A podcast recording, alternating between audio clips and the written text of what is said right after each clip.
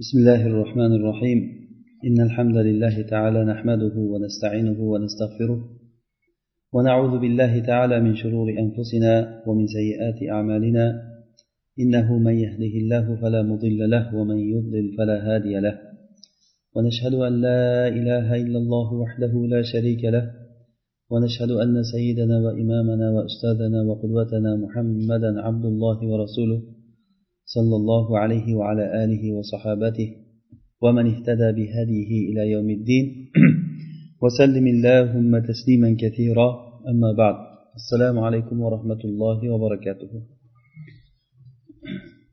Biz o'tgan darsimizda qasos surasida alloh subhanava taoloni فأما من تاب وآمن وعمل صالحا فعسى أولئك أن يكونوا من المفلحين. Mana shu oyatiga kelib qolgan edik va najot topishlik haqida gapirgan edik. Ya'ni aytdikki har bir odam borki najot topishlikni xohlaydi. Hatto kofirlar ham mo'minlar ham kofirlar ham kim bo'lsa shu ishim samarali bo'lsin deydi. Tolib ilmlar imtihondan o'tishlikni xohlaydi. Dehqonlar dehqonchilik qilgandan keyin shu dehqonchilikdan bir samara bilan chiqishlikni xohlaydi. Va hokazo. Ya'ni bu najot topishlikni xohlash insonni g'arizasi bu. Hamma odam shu narsani xohlaydi. Va shu jumladan mo'minlar ham shuni xohlaydi. Lekin farqi shundaki mo'minlar najot topishlikni olloh o'rgatgan yo'l orqali ular boradilar shu najot yo'liga va boshqalar bo'lsa o'zlari xohlaganday ketadi. Alloh taolo qur'oni karimda nima qilsa najot topishligi haqida bayon qildi. Va bunda asosan najot topishlikni rukunlarini bizga bayon qildi. Aytdiki kimki iymon kimki tavba qilsa va iymon keltirsa va solih amal qiladigan bo'lsa ana shu odam najot topadi demak bu uchta amal najot topishlikni asosiy rukunlari. Qolgan tafsilotlari haqida masalan qur'onda ko'p joylarda masalan nima qilsa najot topishligi haqida aytilingan bir yuz yuzlarcha o'rinda kelgan lekin bularni hammasi shu uchta narsa atrofida aylanadi. Tavba qilish iymon keltirish va solih amal qilishlik. Qur'ondagi mana bu oyat bir qoida tarzida aytilingan narsa. Qoida ya'ni qur'onda masalan qissalar keladi. Shu qissa faqatgina bunday bir aytib qo'yib qo'yiladigan narsa bo'lmaydi. Albatta shu bir hayotda odamlar uchun muhim bir qoidani ifoda qiladi. Masalan fir'avnni sehrgarlari muso alayhissalom bilan munozara qilishligini alloh taolo hikoya qilib berib qur'onda aytadiki ويلكم لا تفتروا على الله كذبا فيسحتكم بعذاب وقد خاب من افترى muso alayhissalom sehrgarlarga aytdiki ey sizlar sehrgarlarga aytyaptiki sizlarga vayl bo'lsin ya'ni sizlarga do'zax bo'lsin degan ma'noda sizlar alloh taologa yolg'on to'qib bunaqangi tuhmat bilan chiqmanglar. Keyingi gapda aytyaptiki kimki agar to'qima gapni gapirib chiqqan bo'lsa uni umidi puchga chiqdi degan. Mana bu qoida. Kimki agar soxta gapni gapirdimi u odam oxiri najot bilan tugamaydi. Uni oxiri muvaffaqiyatsizlikka uchraydi. Bu qoida. Bu hozirgi aytilingan oyatda sehrgarlarga tegishli bo'lsa ham lekin bu hammaga masalan muftiylarga ham tegishli bu. Yolg'ondan fatvo beradigan odamlar bilib turib haqni haq deb bilib turib keyin uni botil narsa bilan fatvo berayotgan odamlar kimlarnidir rozi qilishlik uchun yoki o'zlarini mansabidan ketib qolmaslik uchun fatvo berayotgan kishilar bular iftiro ya'ni ollohni nomiga yolg'on to'qiyotgan bo'ladi. Bu to'qimachilikni alloh taolo qur'onda eng katta to'qimachilik degan eng katta bo'xton degan.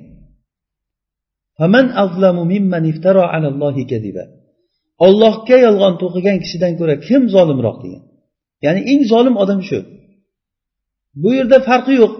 Muftiy bo'lsin u yoki boshqa bir maynavozchilik qilib turib odamlarga yolg'on to'qisin yoki xabarlarda yolg'on xabarlarni tarqatib odamlarni ma'lum bir g'oyaga boshqarishlik uchun yolg'on xabarlarni tarqatsin uni farqi yo'q bu iftiro deyiladi. Mana bu iftironi qilgan odam hech qachon umidi umid bilan yaxshilikni kutmasin degan. Bu qur'onda alloh taolo aytib qo'yaptiki yolg'on gapni gapirgan odam umidi puchga chiqdi degan. Xuddi shunday hozirgi biz o'qiydigan oyatda kim najot topadi deganda alloh taolo mana shu uchta sifatga ega bo'lgan odamlar najot topadi. Dedi bular tavba qilgan iymon keltirgan va solih amal qilgan. Biz qisqa suratda o'tgan darsimizda o'tgan najot topishlikni ma'nosi haqida gapirib o'tamiz. Aflaha kalimasi arab tilida o'zbek tiliga tarjima qilganda najot topish ma'nosini beradi.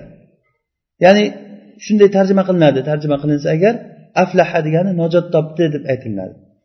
Masalan hayya alal falah deyilsa azonda najotga kiyinglar deb tarjima qilinadi. Lekin bu tarjima aflahani to'liq tarjimasi emas bu. Ya'ni aflahani ma'nosi unda arab tilida favz ma'nosi bor va unda e, najoh ma'nosi bor va unda baqo ma'nolari bor. Ya'ni favz degani tarjima qilsak bir narsani qo'lga kiritish degani. Lekin masalan bir narsani odam qo'lga kiritishligi mumkin.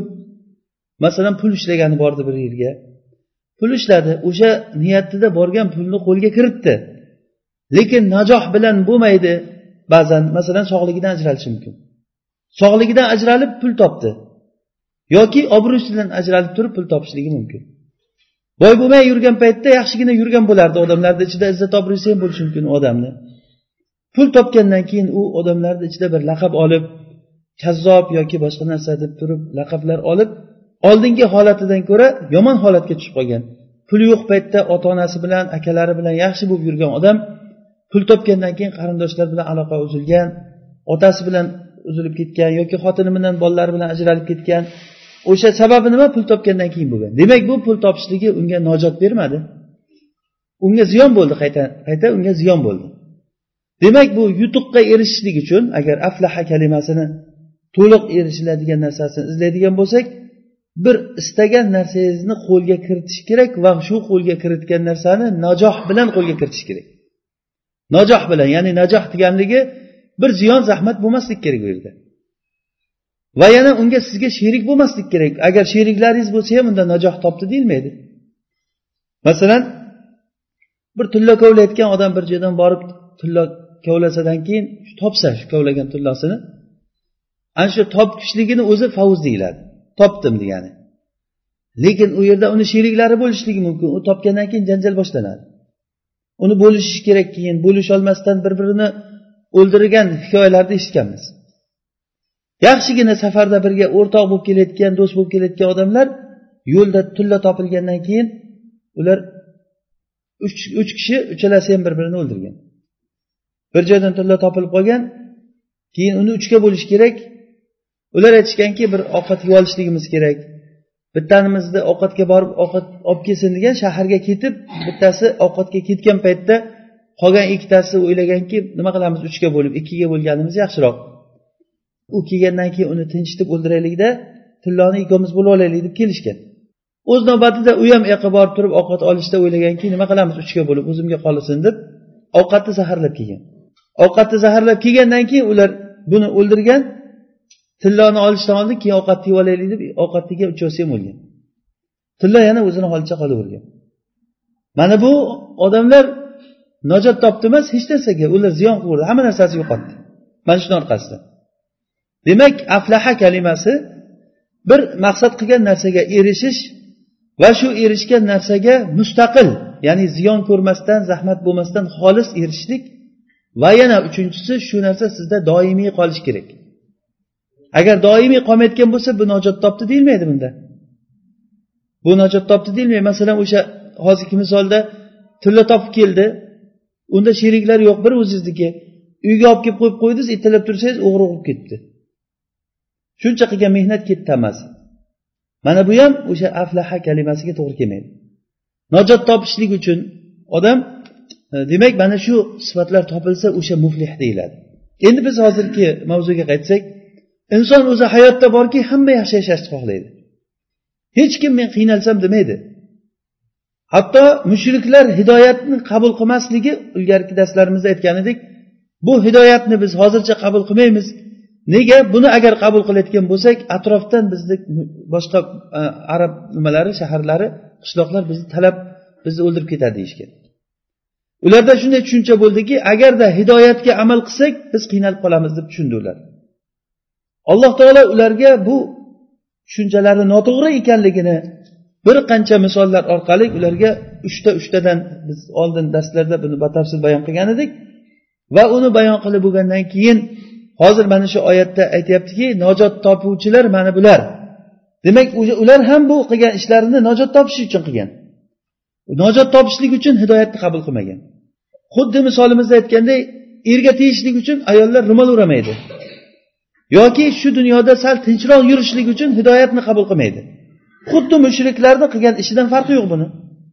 Agar mushriklar umuman qabul qilmagan bo'lsa ba'zi kishilar ba'zisini qabul qilmaydi mo'min lekin hidoyatni ba'zisini qabul qilmaydi. Biladi shuni hidoyat ekanligini lekin o'shani qabul qilmaydi. Nima uchun qabul qilsa ziyon ko'rib qolaman deb o'ylaydi. Ishdan haydalib ketishligi mumkin. Yoki bir harajga tushib qandaydir o'zini ziyon o'zini gumonicha shunday bo'lib qolishligi mumkin. Shuni o'ylaganligi uchun hidoyatni hozir olmay turaman deydi. Buni misoli judayam ko'p. Masalan bir ishda ishlayotgan odam aroq ichishlik to'g'ri kelib qolsa xo'jayinlar bilan o'tirib qolamiz ichishga odam majbur bo'lib qoladi iloji yo'q. O'shanda o'tiramiz ichmasak ham o'sha davrada birga o'tiramiz deydi. Nimaga desa majbursan deydi yerda turib ketolmaysan deydi. Katta jamoat. Demak o'sha joyda biladi turib ketish kerakligini aroq ichish kerak emas ekanligini biladi bu odam. Lekin o'sha bilgan narsasidan yuz o'giradi. Nima uchun? Najot topish uchun. O'sha u o'ylaydiki agar men ishda ishlab tursam menga shundan rizq keladi deb o'ylaydi. Mana bu tushuncha noto'g'ri tushunchalarni alloh subhanava taolo qur'onda bizlarga hikoyalar aytib misollar aytib va o'shalarda qoidalar bilan insonlarni to'g'irladi shu tushunchasi. Demak xotirjam bo'ling. Najot topishlikni birdan bir yo'li mana shu rukni uchta. Tavba qilishlik iymon keltirishlik va solih amal qilishlik. Solih amal qilishlik bu shariatga amal qilishlik bilan bo'ladi. Shariatga amal qilmagan odam solih amal qildim deyolmaydi. Solih amal qilishlik bu shariatga amal qilishlik bilan bo'ladi. Hamma solih amal shariatga amal qilishlikda. Shariatga amal qilinmadimi u solih amal deyilmaydi. Chunki buni solih amal deb kim aytyapti buni? Shariat aytyapti. Shariat nimani solih amal desa o'sha solih amal bo'ladi. Shariat shariat agar solih amal demagan narsalarni inson o'zidan o'zi mana shu ham solih amal desa masalan bir odam chiqib oftobda mana quyoshda tursa o'zicha qiynalib bir soat necha soatlab quyoshda tursa mana shu turishligini solih amal deb atasa bu shariat bu narsani rad qiladi. Rasululloh sollallohu alayhi vasallamni davrlarida ashoblardan ba'zilari rasulullohni uylariga kelib turib rasulullohni amallari haqida so'rashgan. Shunda amallari haqida xabar berildi. Falon falon amallarni qiladilar rasululloh. Kechalari mana buncha namoz o'qiydilar ba'zan ro'za tutadilar ba'zan tutmaydilar. Deyilinsa keyin ular aytdiku rasulullohni amallari oz ekan. Endi rasululloh qayerdayu biz qayerda? Rasulullohni gunohlarini olloh kechirgan bo'lsa hammasini. Biz ko'proq amal qilmasak bo'lmaydi. Deb bittasi aytdiki men ollohga yaqinlashishlik uchun umuman umrbod uylanmay o'taman dedi. Bittasi aytdi men umrbod ro'za tutib o'taman dedi. Bittasi aytdi umrbod kechasi bilan namoz o'qiyman dedi. Rasululloh sollallohu alayhi vasallamga bu xabar yetgandan keyin minbarga chiqib rasululloh xutba qilib aytdilarki ba'zi bir odamlardan men eshitdim mana shunaqa gaplar bo'lganligini. Men sizlarni ichlaringda eng ollohni tanuvchiroqlaring va eng ollohdan qo'rquvchiroqlaringman. Men kechasi uxlayman ham kunduzi ro'za tutmay ham yuraman ayollarga uylanaman. Mana shu meni sunnatim. Kimki agar meni sunnatimdan yuz o'giradigan bo'lsa mendan emas dedilar. Demak o'zicha o'zi odam bir amalni o'ylab topib shu amaldan solih amal bo'lyapti shu shu bilan allohga yaqinlashaman deb qilishligi bu shariat buni bidat deb ataydi. Bu o'zini qilgan odamiga qaytarilgan bo'ladi. Bu solih amal bo'lmaydi bu. Qisqasi solih amal qilsa tavba qilsa iymon keltirsa ana shu odam najot topadi. Bu najot topishlik shunday bo'lishi kerakki shu dunyoda yaxshi yashash kerak va oxiratga ulanib ketish kerak. Agarda unday bo'lmaydigan bo'lsa bu najot topdi deyilmaydi. Ollohni shariati boshidan oxirigacha mana shunday. Shunga biz iymon keltirdik. Ollohni shariati adolatlik ollohni shariati hikmat ollohni shariati zulmda zulm yo'q. Yo birorta odam aytadimi shariatda zulm bor deb?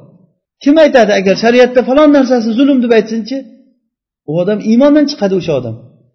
Lekin biz tilimiz bilan aytamiz bu narsani. Shariatda hech qanday zulm yo'q.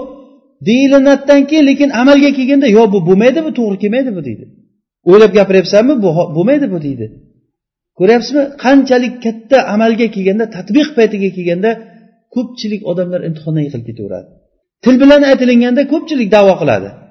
Qaysi odamdan ushlab so'rang shariatda biror kamchiligi bormi desangiz yo'q deydi. Shariatda zulm bormi desangiz yo'q zulm yo'q deydi. Hamma joyi adolatmi desangiz hamma joyi adolat. Hammasi hikmat hammasi hikmat. Zulm yo'q. Hamma odamga mos keladimi yo bu boshqa bir e, planetadagi odamlar uchunmi bu shariat? Kimga tushdi shariat? Shariat shu odamlarga tushdi. Qiyomat kunigachami yo ma'lum bir vaqtga tushdimi? Rasulullohni davridan boshlab to qiyomat kunigacha bo'lishi kerakmi bu? Qiyomat kunigacha bo'lishi kerak bu shariat. Demak bu rasulullohni davrida qanday bo'lsa bugun ham xuddi shunday ya'ni inson hayotiga shunday mos kelishi kerak bu narsa. Mana bu narsaga biz iymon keltirdik tilimiz bilan tasdiqladik buni. Lekin tadbiq paytida amaliy hayotga kirishgan paytimizda ko'p odamlar bundan to'kilib ketdi. Odam o'zini o'zi shu tarozi bilan o'lchab ko'rib keyin kamchilik nimadan ekanligini biladi. Mana shundan davomida alloh taolo qasos surasida bugungi biz aytmoqchi bo'lgan oyatimizda alloh taolo aytadiki va robbuka yahluqu ma yashau va yaxtar ma kana lahumul xiyara ya'ni seni robbing muhammad sallallohu alayhi vasallamga aytyaptiki alloh taolo o'zi xohlagan narsasini o'zi yaratadi va o'zi ixtiyor qiladi. Ular uchun ixtiyor yo'q odamlar uchun. Subhanahu va taala amma yushrikun. Alloh taoloni ular shirk keltirgan narsadan alloh taoloni poklayman deyildi. Demak bu oyat nima uchun aytilindi? Ba'zi mufassirlar aytganki buni oyatni sababi nuzuli. Xuddi yuqorida aytganimizdek makka mushriklari agar biz bu hidoyatga ergashadigan bo'lsak atrofdagi arablar bizni talab ketadi deganlariga raddiya qilib tushgan bu oyat. Yoki undan keyingi oyatlar yoki ba'zilari aytganki makka mushriklari aytishganki bu qur'on nimaga muhammadga tushdi sallallohu alayhi vasallamga? Bu makkadagi bitta eng ulug' odam bilan toifdagi bir ulug' odam urvat ibn masud saqafiy makkadagi valid ibn mug'ayra o'sha ikkalasidan bittasiga tushsa bo'lmaydimi deydi odamlar. Xuddiki odamlardan olloh so'rab bu vahiyni men risolatni kimga beray? Nima deysizlar sizlar yaxshi bilasizlar buni. Deganday odamlar muhammad sallallohu alayhi vasallamga bergan shariatni bergan vahiyni nimaga falonchi va falonchilarga tushmasdan bunga tushadi? Go'yoki ular agar bu ulug' odamlarga tushganda iymon keltirarmish? Aslida iymon keltirayotgan odam uchun nima farqi bor uni? Alloh taolo buni vahiy qilib tushirsa farishta orqali buni vahiy bo'lib kelsa hidoyat bo'lib kelgandan keyin uni mo'jiza ekanligini haqiqatan ham ollohdan ekanligini bilgandan keyin uni kim olib kelganligini nima ahamiyati bor iymon keltirayotgan odam uchun? Xuddi shu yahudlarni ham hidoyatdan to'sib qolgan narsa shu bo'lgan yahudlarni hidoyatdan to'sgan narsa shu. Ular rasulullohni oldiga kelib turib biz sendan ba'zi bir narsalarni so'raymiz. Biz so'ragan narsalarni faqat payg'ambar biladi boshqa odam bilmaydi. Agar shunga qoniqarli javob bersang biz senga iymon keltiramiz orqamizda ham katta jamoat qarab turibdi degan. Rasululloh ulardan qasam ichtirgan ularni o'zlarini muso alayhissalomni kunlarini ularga bergan ollohni ne'matlarini eslatib qasam ichdirganki ularga agar men sizlarga javob bersam iymon keltirasizlarmi? deganda iymon keltiramiz degan. Shunda ular endi bu qissa uzun so'ragan savollariga hammasiga javob berganda to'g'ri aytyapsan to'g'ri aytyapsan hammasiga to'g'ri aytyapsan tasdiqladilar. Keyin oxirgi savoli senga vahiyni kim keltiradi? deb so'rashdi. Rasululloh aytdiki vahiyni jibril keltiryapti deganda e agar jibril bo'lmay mikoil bo'lganda senga iymon keltirading dedi. Nimaga? Desalar chunki jibril bu bizni dushmanimiz. U jibril doim urush janjallarni olib keladi. Mikoil bo'layotgan bo'lsa u rahmat va yumshoqlik bilan keladi. Mana shu joyi to'g'ri kelmaykan deb turib bo'lmaykan deb chiqib ketyapti. O'zi asli iymon keltirishlik maqsadi yo'q bo'lgan odamga hamma narsa ham bahona bo'laveradi. Bo'lmasa shu bahonami u farishta ikkita farishtani tan olib turibdi. Farishtan jibrilni ham farishtaligini tan olyapti. Mikoilni farishtaligini tan olyapti alloh taolo jibril orqali muhammad sallallohu alayhi vasallamga vahiy yubordi. Mana shu narsani haqligini bilgandan keyin odamlar endi unga iymon keltirayotgan odam uchun uni nima ahamiyati bor endi uni?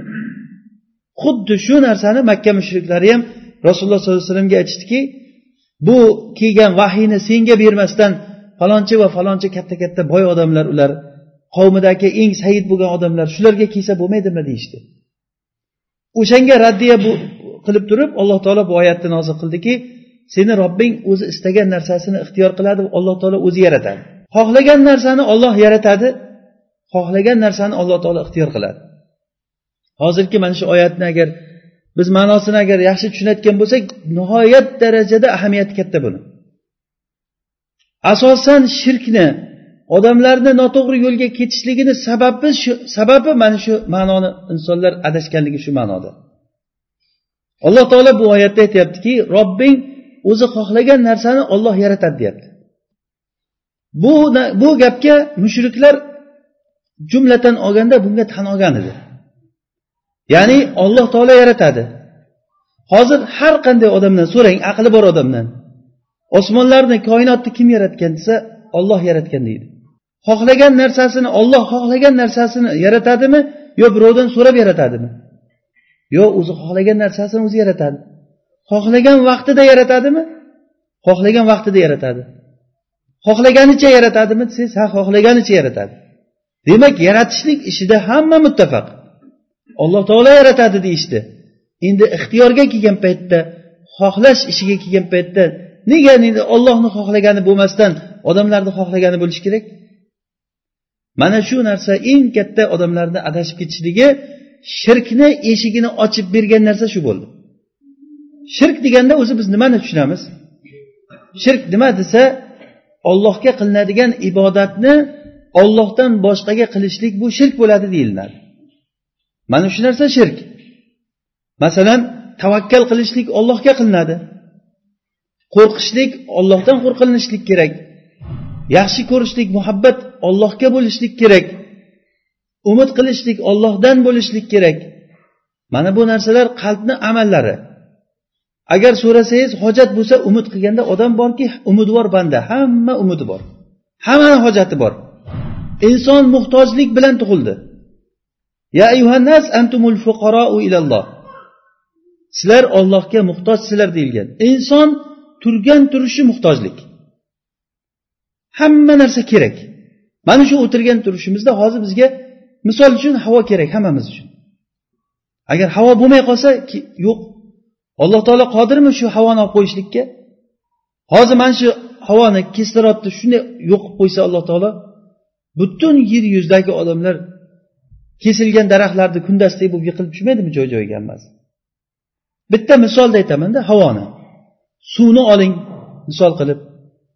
Va hokazo yerdan o'sadigan ekinlarni oling boshqasini oling. Inson turgan turishi muhtojlik. Inson qalbi ehtiyoj bilan yaratilingan. Bu ehtiyoj hech qachon to'ymaydi illo buni ollohni zikr qilib to'yibdirmasa bu qalb hech qachon to'ymaydi. Agar odam bolasiga bir vodiy mol bo'lsa yana bir vodiy bo'lsa deydi. Yana bir vodiy bo'lsa yana vodiy bo'lsa deydi. Vodiylar to'lib ketgan mol bo'lsa ham inson to'ymaydi insonni ko'zini bir hovuch tuproq to'ldiradi.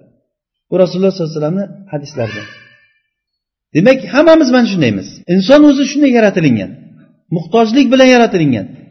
Lekin o'sha ehtiyojni nima bilan qondirish kerak? Buni olloh bilan qondirishlik kerak. Bu uchun ilm o'rganishligimiz kerak.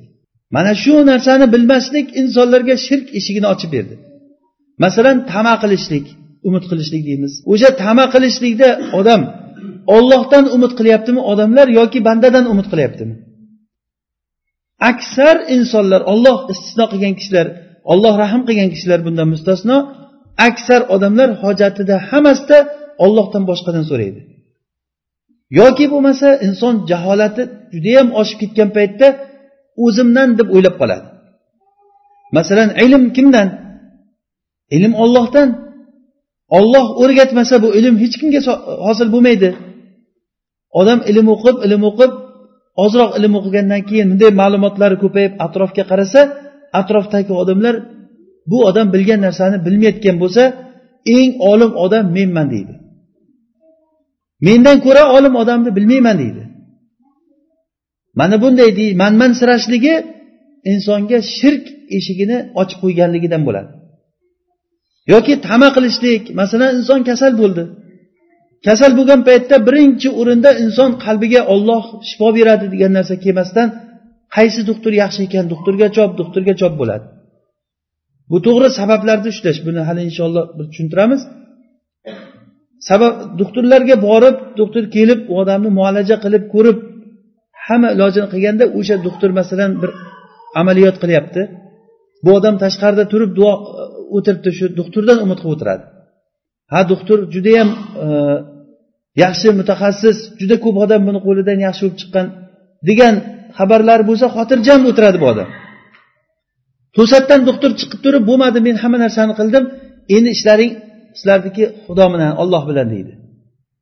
Xuddiki shu paytgacha doktor bilanda endi olloh bilan bo'lgan deydi. Mana bu narsa nima uchun? Ko'ryapsizmi? O'sha olloh oxirgi o'ringa qo'yib qo'yilgan qalbda. Birinchi o'rinda emasda olloh oxirgi o'ringa qo'yilgan. Mana shu oxirgi qo'yilganligini shirk bu. Mana shu shirkni sababi bu shirkni sababi inson o'sha shirkni eshigini ochib qo'yganligi. Bu eshigi ixtiyor ollohda ekanligini inson bilmaganligi. Aksar insonlar bundan bexabar. Alloh taoloni xohlagan narsasi bo'ladi. Koinotda olloh xohlasa yomg'ir yog'adi. Olloh xohlamasa yomg'ir yog'maydi. Olloh xohlasa shamol bo'ladi. Olloh xohlamasa shamol bo'lmaydi. Alloh taolo xohlasa inson yashaydi olloh xohlamasa inson yashamaydi. Kim shunda bir e'tirozi bor shunga? Mana shu gapga kimni e'tirozi bor? Hech kimda e'tiroz yo'q bu narsada. Lekin voqedagi bizni hayotdagi ishlarimiz buni tasdiqini ko'rsatmayapti. Ollohdan qo'rqqandan ko'ra bandadan ko'proq qo'rqadi odamlar. Ollohdan qo'rqmasdan bandadan qo'rqib ollohni shariatiga amal qilmaydi. Nega desa mana qo'ymaydi deydi. Inson qalbida shunchalikki hatto shu darajagacha boradiki masalan bir kuchli davlatlar haqida ular nihoyat darajada kuchayib ketgan ular deydi. Ular seni o'tirgan joyingda nima deyotganligingni hammasini bilib o'tiribdi hozir deydi. Hozir musulmonlar bir hayotda yashayotgan bo'lsa yahudlar musulmonlardan ellik yil oldindan ellik yil oldinni ular rejasini tuzib yotibdi deydi. Bizlarni bu holatlarimizni rejasini ular ellik yil oldin tuzib qo'ygan ekan. Biz o'shalar ular tuzgan rejada ketyapmiz. Qaysi shaharda urush chiqarishlik kim bilan kimni urushtirishlik bir uyni bo'lsa o'shani portlatish kerak bo'lsa portlatib yuborishlik bir joylarga bo'ldi mana bunga ko'proq bir hozir bu davlatni boy qilaylik mana bu davlatni kambag'al qilaylik buni bu qilaylik buni bu qilaylik degan narsalar rejalar yahudlar tomonidan ellik yil oldin yozilib xuddi qazoy qadar yozilganday qilib qo'yilgan musulmonlar shunchalik bir e, bir go'l g'ofilki o'shalarni tushib qo'ygan narsasida ketyapti deb o'ylaydi. Mana shu tushuncha haqiqiy shirk emas shirkni eshigi bu. Shunday shirkka eshik ochib qo'yish degani ya'ni shirkni onasi desangiz ham bo'ladi tug'ib beradigan buni orqasidan hamma gunohlar hamma shirklar chiqadi. Ya'ni ixtiyor ollohdami bandadami? Agar ixtiyor ollohda bo'layotgan bo'lsa demak koinotda ollohni xohlagani bo'ladi. Inson qancha qancha ish qilmasin baribir ollohni xohlagani bo'ladi. Buni misolini ko'rsatishlik buni tasdig'ini ko'rsatishlik uchun alloh subhanava taolo ko'p oyatlarda bu narsalarni misollarda ko'rsatgan. Bandani xohlagani bo'lmasdan ollohni xohlagani bo'lishlikka juda ko'p misollar. Masalan abraha kabani buzib tashlayman deb felga minib juda katta askarlar bilan kelgan. Kaba bir toshdan qurilgan bir uy eski uy. Uni ahli uni himoya qilayotgan darajada ham hech qanday kuchi bo'lmagan. O'shanda kim himoya qildi kabani? Bu butun arablarga hammaga bu mashhur bo'lib ketdi. Arzimagan bir qushlarni yubordi alloh taolo o'shalarni halok qilib yubordi. Yoki undan oldin samud qavmi masalan. Ularni o'zlariga qo'yib berganda nimalarni xohlamardi ular? Nimalarni xohlamasdi? Ko'p ishlar qilmoqchi bo'lgan edi. Lekin ulardan asar ham qolmadi. Ot qabilasi jismlari katta katta bo'lgan baquvvat odamlardi. Sizlardan ko'ra ancha baquvvat edi ular. Hozir ot qabilasini bitta bilagiga ham to'g'ri kelmaymiz bizlar. Ya'ni hozirgi odamlar har qancha kattasi ham bitta bilagiga to'g'ri kelmaydi. Mana shu bilagini o'zi ikki metrdan ziyod odamlar bo'lgan. Katta katta jasadli odamlar bo'lgan. Lekin ularni bu jasadi hech narsa foyda bermadi. Ular ixtiyor qilgan narsa bo'lavermadi.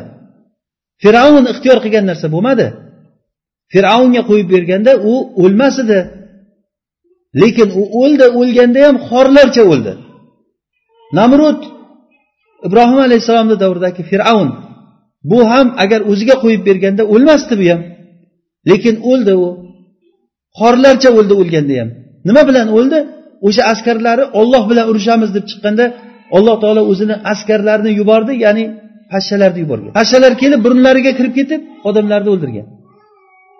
Ollohni askarlari ularga bir askar yuborishlikka yo bir katta katta farishtalarni yuborishlikka ham arzimaydi ular. Ollohni bir og'iz so'zi bu deydi bo'lib qoladi. Biz shunga iymon keltirganmizmi yo'qmi? Kim shunga e'tiroz bildiradi? Ollohni bu degani bo'ladimi bo'lmaymi? Nimaga bo'lmasa ollohdan umid qilmaymiz. Nimaga bo'lmasa bizni harakatlarimiz boshqacha narsani ko'rsatyapti.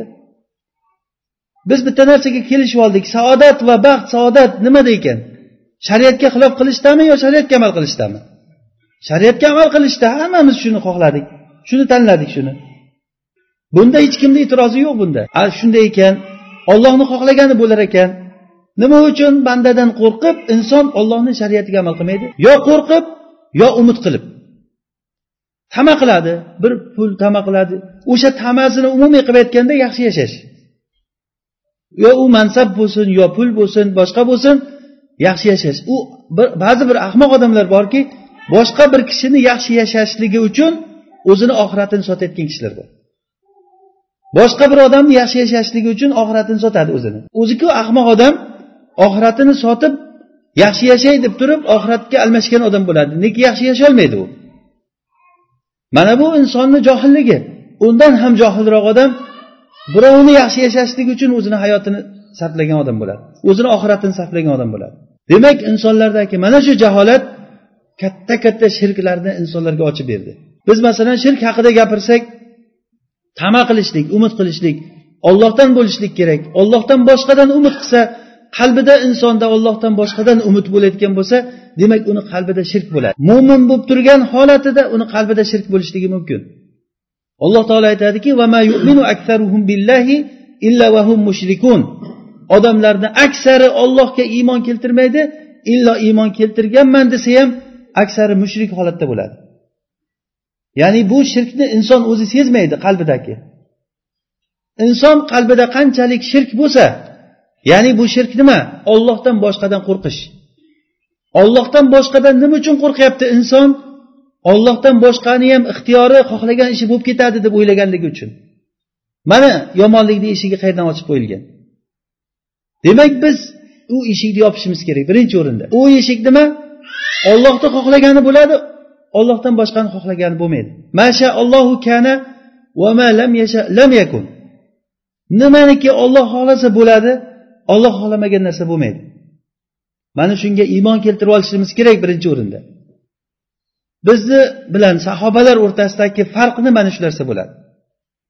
Nima uchun biz bir jiddiyatimiz yo'q bir ishlarda?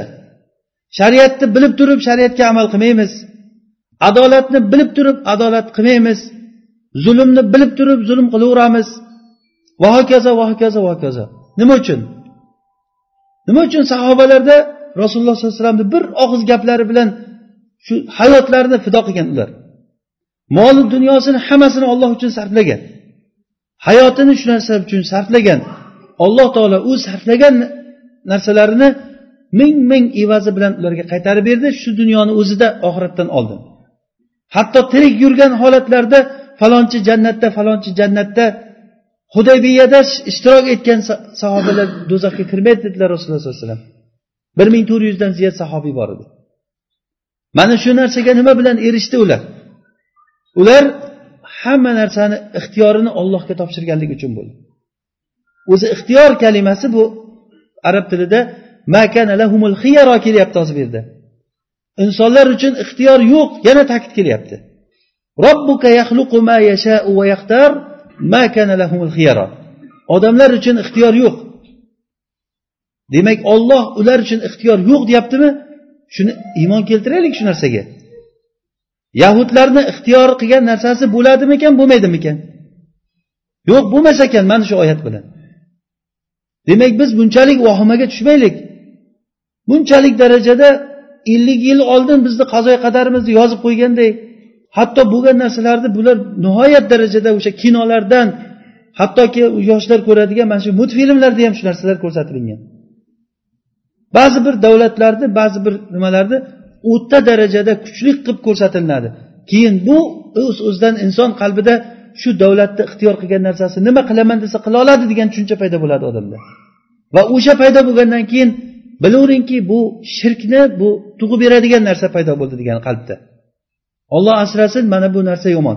Bunday narsa inson qalbida bo'ldimi u odam najot topmaydi. Biz najot topishlikni xohlaymizmi? Ilm mana shu narsani bizga ochib berishlik kerak. Zikr deganda mana shuni tushunishimiz kerak. Nima uchun? Biz aytamizki zikr shaytonni haydaydi deymiz. Zikr shaytonni haydaydi deb necha marta aytilinadi? Buni ma'nosini tushunishimiz kerak. Qanaqangi zikr haydaydi shaytonni? Shayton qayerdan keladi odamni qalbiga? Zikr deganda ollohni eslash degani mana shunday. Ya'ni koinotda butun vujudni hamma joyda ollohni xohlagani bo'ladi degan tushuncha ollohni zikri bu. Mana buni eslaganingizdan keyin shayton sizga kofirlar bilan sizni qo'rqitolmaydi. Faqirlik bilan sizni qo'rqitolmaydi. O'lim bilan va boshqa boshqa narsalar bilan sizni qo'rqitolmaydi. Chunki siz iymon keltirdingizki nima? Ixtiyor faqat ollohniki bo'ladi. Mana bu zikr degani. Tili bilan olloh olloh olloh olloh deyaverib qalbida hech bir shirkka to'lib ketgan qalb bu zikr shaytonni quvish emas shaytonni uyasiku u. Agar qalbda bunaqangi tushunchalar bo'layotgan bo'lsa tili bilan million martalab olloh deb aytmaydimi? U zikr deyilmaydi u. Zikr degani ollohni eslash degani eslash bu qalb bilan bo'ladi. Qalbda odam ollohni eslaganda kuchi quvvat hammasi ollohdan ekanligini bilishligimiz kerak. Buni misollarini koinotdagi bo'layotgan narsada qur'on bizga har xil misollar orqali bizga tushuntirib berdi. Mo'jizalar ko'rsatdi. Bu mo'jizalar bizga bildirdiki ollohni xohlagani bo'lar ekan bandani xohlagani bo'lavermas ekan. Hattoki butun shahar odamlari yig'ilib turib ibrohim alayhissalomni yoqamiz deb o't yoqib o'tga tashlagan paytlarida ham olov kuydirmadi u kishini. Eshitganmizmi shu xabarni? Eshitgan bo'lsak nimaga hech o'ylab ko'rmadikki demak ollohni xohlagani bo'lar ekanda. Olloh xohlasa kuyar ekan olovda odam. Olloh xohlamasa kuymas ekan. Qancha qancha ehtiyot bo'lib turgan odamlarni halok bo'lib ketganligini ko'rdik. Qancha qancha ollohga tavakkal qilgan odamlar qancha yoshlarga kirib o'tib ketganligini ko'rdik. Bu narsa bizga bir ilm paydo qilishlik kerakki ollohni xohlagani bo'ladi. Koinotda olloh xohlagan narsadan boshqa narsa bo'lmaydi. Va biz agar ollohni shariatiga qanchalik darajada o'zimizni topshirsak bilingki shunchalik darajada alloh taolo bizga saodat eshigini ochib qo'yadi. Mana bu narsa bizga qoida bo'lishlik kerak. Labbay deb shariatga javob bergan odam oxiratdan oldin shu dunyoni o'zida baxt saodatga erishgan. Kimni ko'rgansiz shariatga amal qilgan odamni xor bo'lib yurganligini qachon ko'rgansiz? Sahobalar umrlari jihodda o'tib ketdi lekin farzandlari betarbiya qolib ketmadi. Farzandlari tarbiyalik bo'lib katta bo'ldi ularni. Ya'ni olloh yo'lida yurgan odamlar bo'ldi u manaqa ketdi o'lib ketadi. Mana bu ishga bordi endi o'ladi bu. Ollohga uchun namoz o'qiyapti bo'ldi u yaqinda ketadi endi bu deb kim aytadi buni? Shunchalik darajagacha bordikki biz bizni yaratgan ollohga kofir bo'lib turib yaxshi yashashni qoida qilib oldi odamlar o'zlariga. Shu tushuncha paydo bo'ldi. Hali kofirni qo'ying mo'minlarda bor bu tushuncha. Qachon biz kofirlarni yo'lini tutsak ana o'shanda yaxshi yashaymiz degan tushuncha paydo bo'ldi. Alloh taolo buni g'irt teskarisini aytib turibdiku. Buni misoliga mana zaynab binti jahsh roziyallohu anha rasulullohni ammalarini qizi bo'lgan. Bu kishini rasululloh o'zlarini tutingan o'g'illari zayd ibn horisaga kelin qilmoqchi bo'lib turib o'zlari sovchi bo'lib zaynabga shunga tekkin zaydga deganda zaynab tegishga rozi bo'lmagan ekan. Ya'ni zaydni zaydni o'ziga teng munosib ko'rmagan. Keyin rasululloh buni talab qilganliklarini bilib rasululloh aytganliklari uchun shunga rozi bo'lgan. Demak rasululloh aytyaptimi bo'ldi rozi bo'laman degan. Lekin hayot qurgan hayotlari o'xshamagan hayotlari o'xshamagandan keyin keyin zayd zaynabni taloq qilgan. Taloq qilgandan keyin alloh taolo buyruq berdiki rasulullohga zaynabga uylangin deb zaynabga uylangin deb turib hatto zaynab onamiz ayollar ichida kundoshlarini ichida gapirib yurardilar. Hammalaringni sizlarni ahillaring nikohlab bergan meni robbil alamin yetti qavat osmonni ustidan turib nikohlagan der edilar ya'ni buni ibn hajar rahimaulloh mana shu hadisni sharhini aytishlikda aytar ekanki bu hadisdan chiqadiki bu hadisdan chiqadiki kim agar olloh uchun taslim bo'lsa alloh taolo unga yaxshisini beradi degan. Kim agar alloh taolo uchun turib bersa hatto rasululloh sollallohu alayhi vasallam uylandilar zaynabga. O'sha uylanishlikda zaydni o'zini sovchi qilgan ekanlar. O'zgurha alayya deganlar borib shuni zaynabni zayd borib turib aytgan ekanki ey zaynab xursand bo'lgin seni rasululloh so'rayapti degan. Ibn hajar aytganlarki bu voqeda bo'layotgan ishni eng mubolag'a ko'rinishligi. O'zini xotini bo'lib turgan o'zini xotini bo'lib turgan ayolni rasululloh so'raganligi uchun xursand bo'lib bashorat qilib aytganligi buni. Bu shu narsaga e'tibor beraylik. Nega sahobiy rasululloh aytganligi uchun xursand bo'lgin deb aytgan? U ayol ham mana shu narsaga rasululloh nima degan bo'lsalar shunga taslim bo'lgan? Julaybib degan bir sahobiyni biz oldin ham buni misolini aytgandik. Rasulullohga kelib turib ansorlardan bir ayolni shunga men uchun sovchi bo'lib boring ey rasululloh shunga uylanay deb so'ragan ekan. Rasululloh sollallohu alayhi vasallam keyin haligi ayolni otasini chaqirib turib aytgan ekanki men qizingga sovchi bo'lib keldim deganda shu ansorlar qizni turmushga bermoqchi bo'lsa agar rasulullohni bir hojati yo'qmikan shunga? Rasulullohga bo'lsa berardik deb birinchi rasulullohni fikrlarini bilib keyin boshqaga turmushga berar ekan. Rasululloh men qizingga sovchi bo'lib keldim deganliklarida haligi otasi xursand bo'lganligidan bo'ldi ko'zimni quvonchi ey rasululloh berdim sizga degan birdan shunda rasululloh aytdilarki men o'zimga so'ramayapman buni. Julaybibga so'rayapman. Julaybib ya'ni ayollar uchun uncha qiziqarli odam bo'lmagan ekan.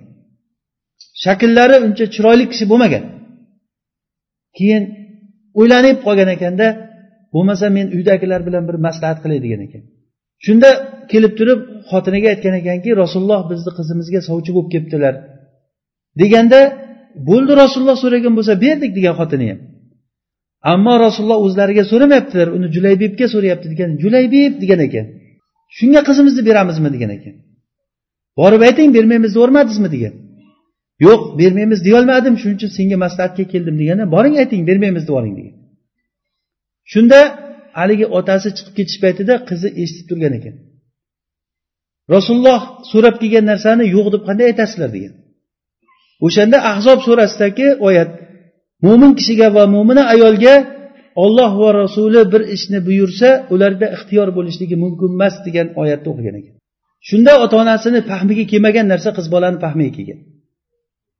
Bo'ldi men roziman rasulullohga aytinglar degan. Keyin rasulullohga rozi bo'lib turib turmush qurgan turmushlari nihoyat darajada go'zal bo'lgan ekan. Hatto g'azotlardan birida urush tugagandan keyin rasululloh sollallohu alayhi vasallam hamma bormi? deganda falonchi falonchilar yo'q ya'ni shahid bo'ldi degani. Ya'ni yana kim yo'q deganda yo'q boshqa odam yo'qligini bilmayapmiz. Qaranglar yaxshilab yana kim yo'q deb odamlarni yo'qlab men julaybebni topmayapman degan rasululloh sollallohu alayhi vasallam. Julaybeb yo'q. Keyin izlab borsalar maydonni bir chekka joyida yettita mushrikni o'ldirib o'rtada o'zlari o'lib yotgan holatda topgan.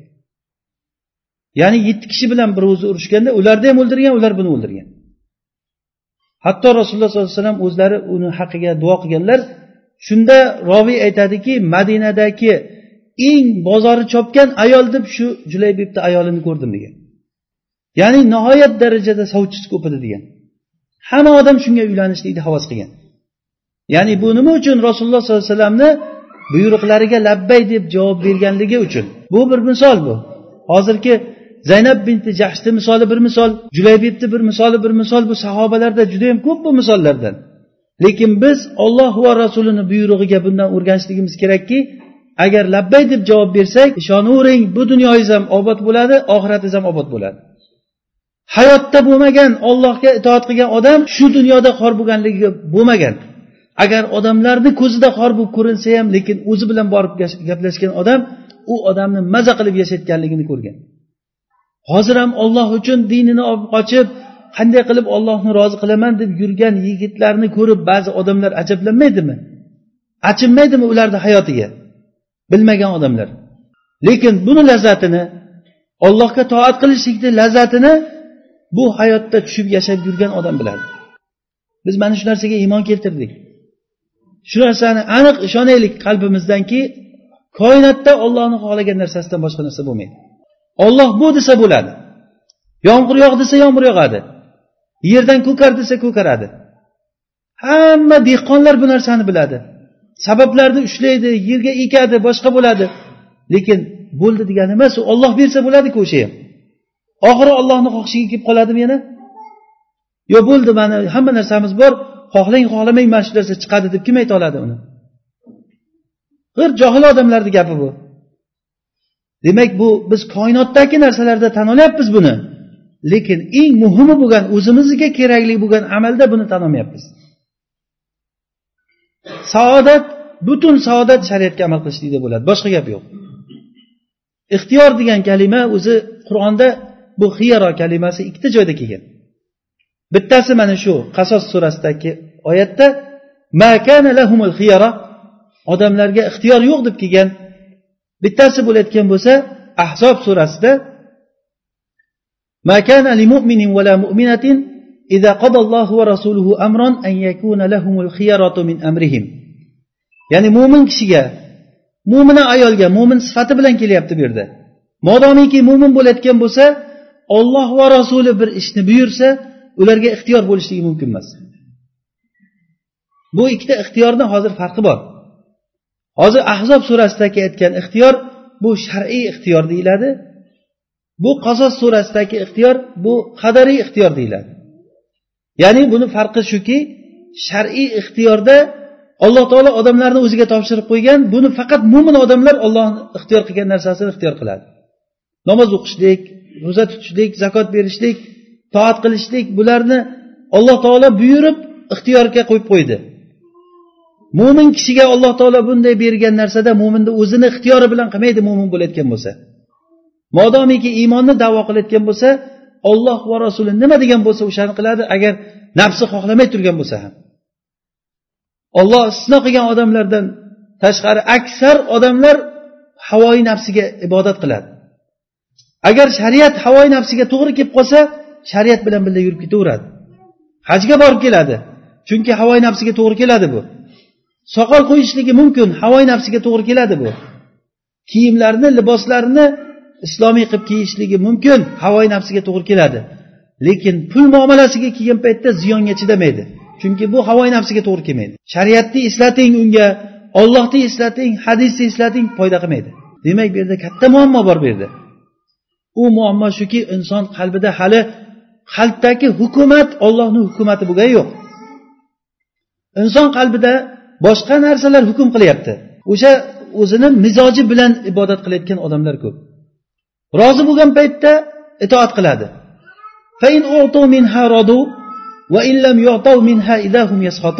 Bu munofiqlarni sifati bu.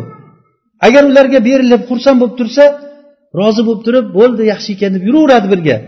Agar sal qiyinchilik kelib qolsa achchig'i keladi keyin achchiqlanadi ular g'azab qiladi. Bu bizga to'g'ri kelmaydi deydi. Talashadi tortishadi. Achingan joyimiz shuki mo'min birodarlar o'rtasidagi tortishuvlar mol moldagi yo boshqa narsadagi tortishuvlarga qarasangiz bir joyda qaysi biridir adolatsizlik qilayotgan bo'ladi lekin ich ichidan o'sha adolatsizlikni aytmaydi. O'sha bilib turib ham o'zinikini to'g'ri bo'lishligini umid qilib aytaveradi shuni. Mana bu narsa katta muammo bu. Bu muammolarni hammasi yig'ilib yig'ilib yig'ilib qalbdagi asosiy narsaga borib taqaladi. U ham bo'lsa ixtiyor ollohdan ekanligini biling. Agar alloh taolo bizni rizqimizni qancha qilgan bo'lsa shundan boshqasini yeyolmaymiz. Umrimizdan ziyodini yasholmaymiz bir gram bo'lsa ham rizqingizni olmaguncha hech kim sizni o'ldirolmaydi xotirjam bo'ling. Butun dunyo jamlansa ham o'ldirolmaydi. Agar ummat butun jamlansa ham bir kishiga zarar berishlik uchun jamlansa ham ular faqat alloh taolo taqdir qilgan narsasi bilan zarar bera oladi undan boshqa zarar berolmaydi buni misolini biz qancha misollarda ko'rib o'tganmiz mana alloh subhanava taolo fath surasida mo'minlardan rozi bo'lganligini aytadi لقد رضي الله عن المؤمنين إذ يبايعونك تحت الشجرة فعلم ما في قلوبهم فأنزل السكينة عليهم وأثابهم فتحا قريبا ومغانم كثيرة يأخذونها وكان الله عزيزا حكيما ya'ni mo'minlardan rozi bo'ldi alloh taolo. Ularga fathlar berdi ularga shu shu shu narsalarni berdi deb keyingi oyatda alloh taolo aytyaptiki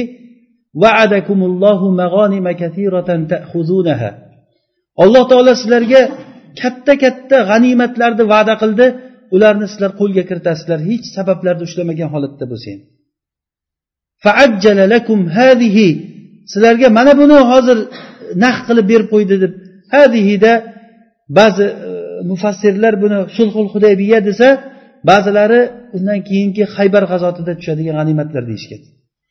Mujohid mana shu oyatni tafsirida aytgan ekanki ya'ni sizlarga alloh taolo g'animatlar berdi degani bu qiyomat kunigacha mo'minlar oladigan g'animatlar degan. Olloh va'da qildi buni. Olloh va'da qildiki sizlarga ko'p ko'p g'animatlar qo'llaringga tushadi degan. Va shu narsani musulmonlar yashab ko'rdi. Butun dunyoni g'animati musulmonlarni oyog'ini takka olib kelib tashlandi. Bu ollohni fazli bilan bo'ldi boshqa narsa emas edi bu. Sabablarni ushlashlikdan musulmonlar qattiq jang qilganligidan bo'lmadi bu narsa. Albatta bu to'g'ri bu sabablarda ushlanilingan lekin asosiy narsa ollohni fazli buni bilib qo'yinglar. Olloh va'da qildi sizlarga ko'p nimalarni g'animatlarni. Va mana shu hozir sizlar qo'llaringda turgan narsa sulhul hudaybiya katta bir bir yutuq bo'ldi musulmonlar uchun. Mana bu narsa naq ollohni fathi bu. Keyin tushundi sahobalar buni. Sulh haqiqat darajada musulmonlar uchun katta fath. Hatto ba'zilari aytishganki makka fathini fath deb o'ylaymiz aslida fath hudaybiya sulhi bo'lgan ekan deyishgan chunki hudaybiya sulhidan keyin musulmonlarda nihoyat darajada kengayish bo'lib ketgan katta katta fathlar o'shani orqasidan kelgan. Hudaybiya sulhini orqasidan haybar fathi bo'ldi. Mana shu narsani alloh taolo sizlarga berib qo'ydi.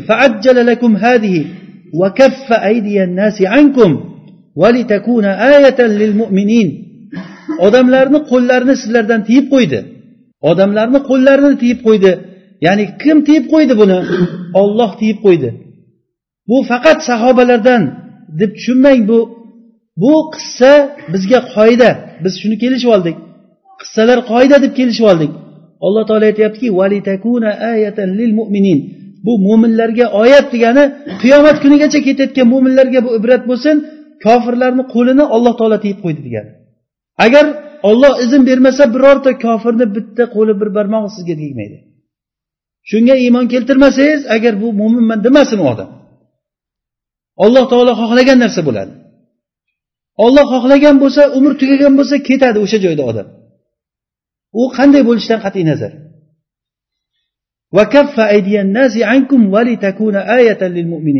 Bu mo'minlar uchun oyat bo'lsin mo'minlar uchun ibrat bo'lsin qiyomat kunigacha bu ibrat bo'lsin. Lil mu'minin. Bu jam al mu'minin degani qiyomat kunigacha bo'layotgan mo'minlar bizgacha bizdan keyingacha hammamiz shuni bilishligimiz kerakki bu kofirlarni qo'lini kim tiyib qo'ydi? Olloh deyib qo'ydi.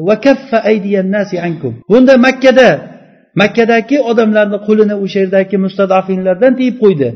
Va mo'minlar hudaybiyada bo'lgan paytlarida ularning ahli madinada turgan paytda ularni himoyachisi yo'q edi. Ularni yaqinida qancha qancha yahudlar tishini qaynab turgan qayrab turgan edi. Lekin ular jur'at qilib madinaga kelolmadi rasululloh sollallohu alayhi vasallam sahobalari bilan umra qilishlik uchun ketgan paytda madinada deyarli hech kim qolmadi. Xotinlar va bolalar ba'zi bir kishilardan boshqa odam madinada qolmadi lekin o'shalarni qo'lini kim tiyib qo'ydi? Yahudlar atrofdagi arablar kim madinani bosib olsa bo'lardiku? Masofa katta u makkaga ketgan odam qachon qaytib keladi? Lekin olloh bu narsani tiyib qo'ydi. Qaysi sabab ushlangan o'shanda aytingchi? Hozir madinada farzandlar oilalar turibdi bu yoqda turgan yahudlar shunday kelib turib madinani bosib olib hammasini o'sha yerdagilarni halok qilishligi mumkinmidi? Mumkin edi lekin bu narsani qilolmadi. Nima uchun? Alloh taolo ularni qo'lini tiyib qo'ydi. Va bu hamma o'rinda bu qiyomat kunigacha ketayotgan qoida shu. Olloh bularni tiyib qo'ydi. Mana bu narsalar biz uchun katta bir qoida katta bir hayotda biz uchun e, bir hayot yo'li bo'lishlik kerak manhaj bo'lishlik kerak bu narsa. Xuddiki fir'avnni halok bo'lishligi katta bir biz uchun ibrat bir mo'minlar uchun aqli bor odamlar uchun qiyomat kunigacha bir misol bo'ldi.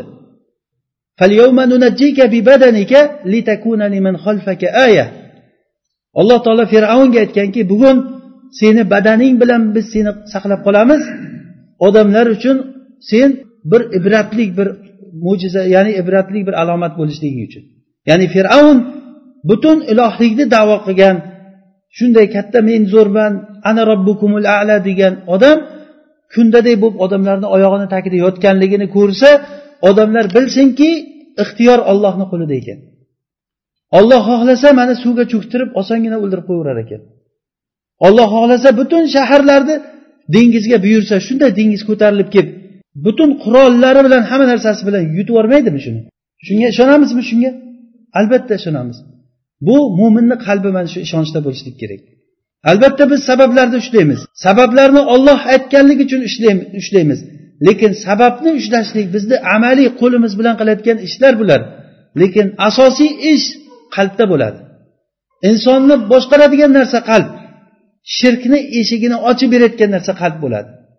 Ana o'sha narsa eshik ochilgandan keyin ollohdan boshqada bir ta'sir bor ekan degandan keyin odamlar yo o'zida bir kuch quvvatni his qilib qoldi yoki bo'lmasa o'zidan sal kuchliroq bo'lgan odamlardan borib shifo berishligini so'radi qabrlardan so'radi borib buloqlardan deysizmi daraxtlardan deysizmi buni turi ko'p endi.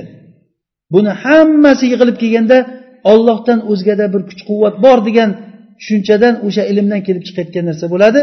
Bu shirkni eshigini ochib bergan narsa ollohdan o'zgada ixtiyor bor degan ilm. Agar kim mana shu narsani tushunayotgan bo'lsa butun yomonlik o'sha odamda jamlanadi. Agar shu e, aqidada bo'layotgan bo'lsa. Biz iymon keltirdikki ollohdan boshqada ixtiyor yo'q. Alloh taolo undan oldingi makkani e, mushriklarni rasulullohga aytgan gaplarini ularni inkor qildi va oxirida asosiy narsani aytib qo'ydiki seni robbing xohlagan narsasini yaratadi va ixtiyorni olloh qiladi. Ular uchun hech qanday ixtiyor yo'q. u avliyosi bo'lsin u boshqasi bo'lsin u kim bo'lishidan qat'iy nazar ollohdan boshqada ixtiyor yo'q olloh bu degan narsa bo'ladi olloh bo'lishlikni xohlamagan narsa hech narsa bo'lmaydi inshaalloh bu darsimizni davomi bor alloh taolo hammamizni haqiqiy o'ziga ibodat qiladigan xolis muxlis mo'minlardan qilsin سبحانك اللهم وبحمدك نشهد أن لا إله إلا أنت نستغفرك ونتوب إليك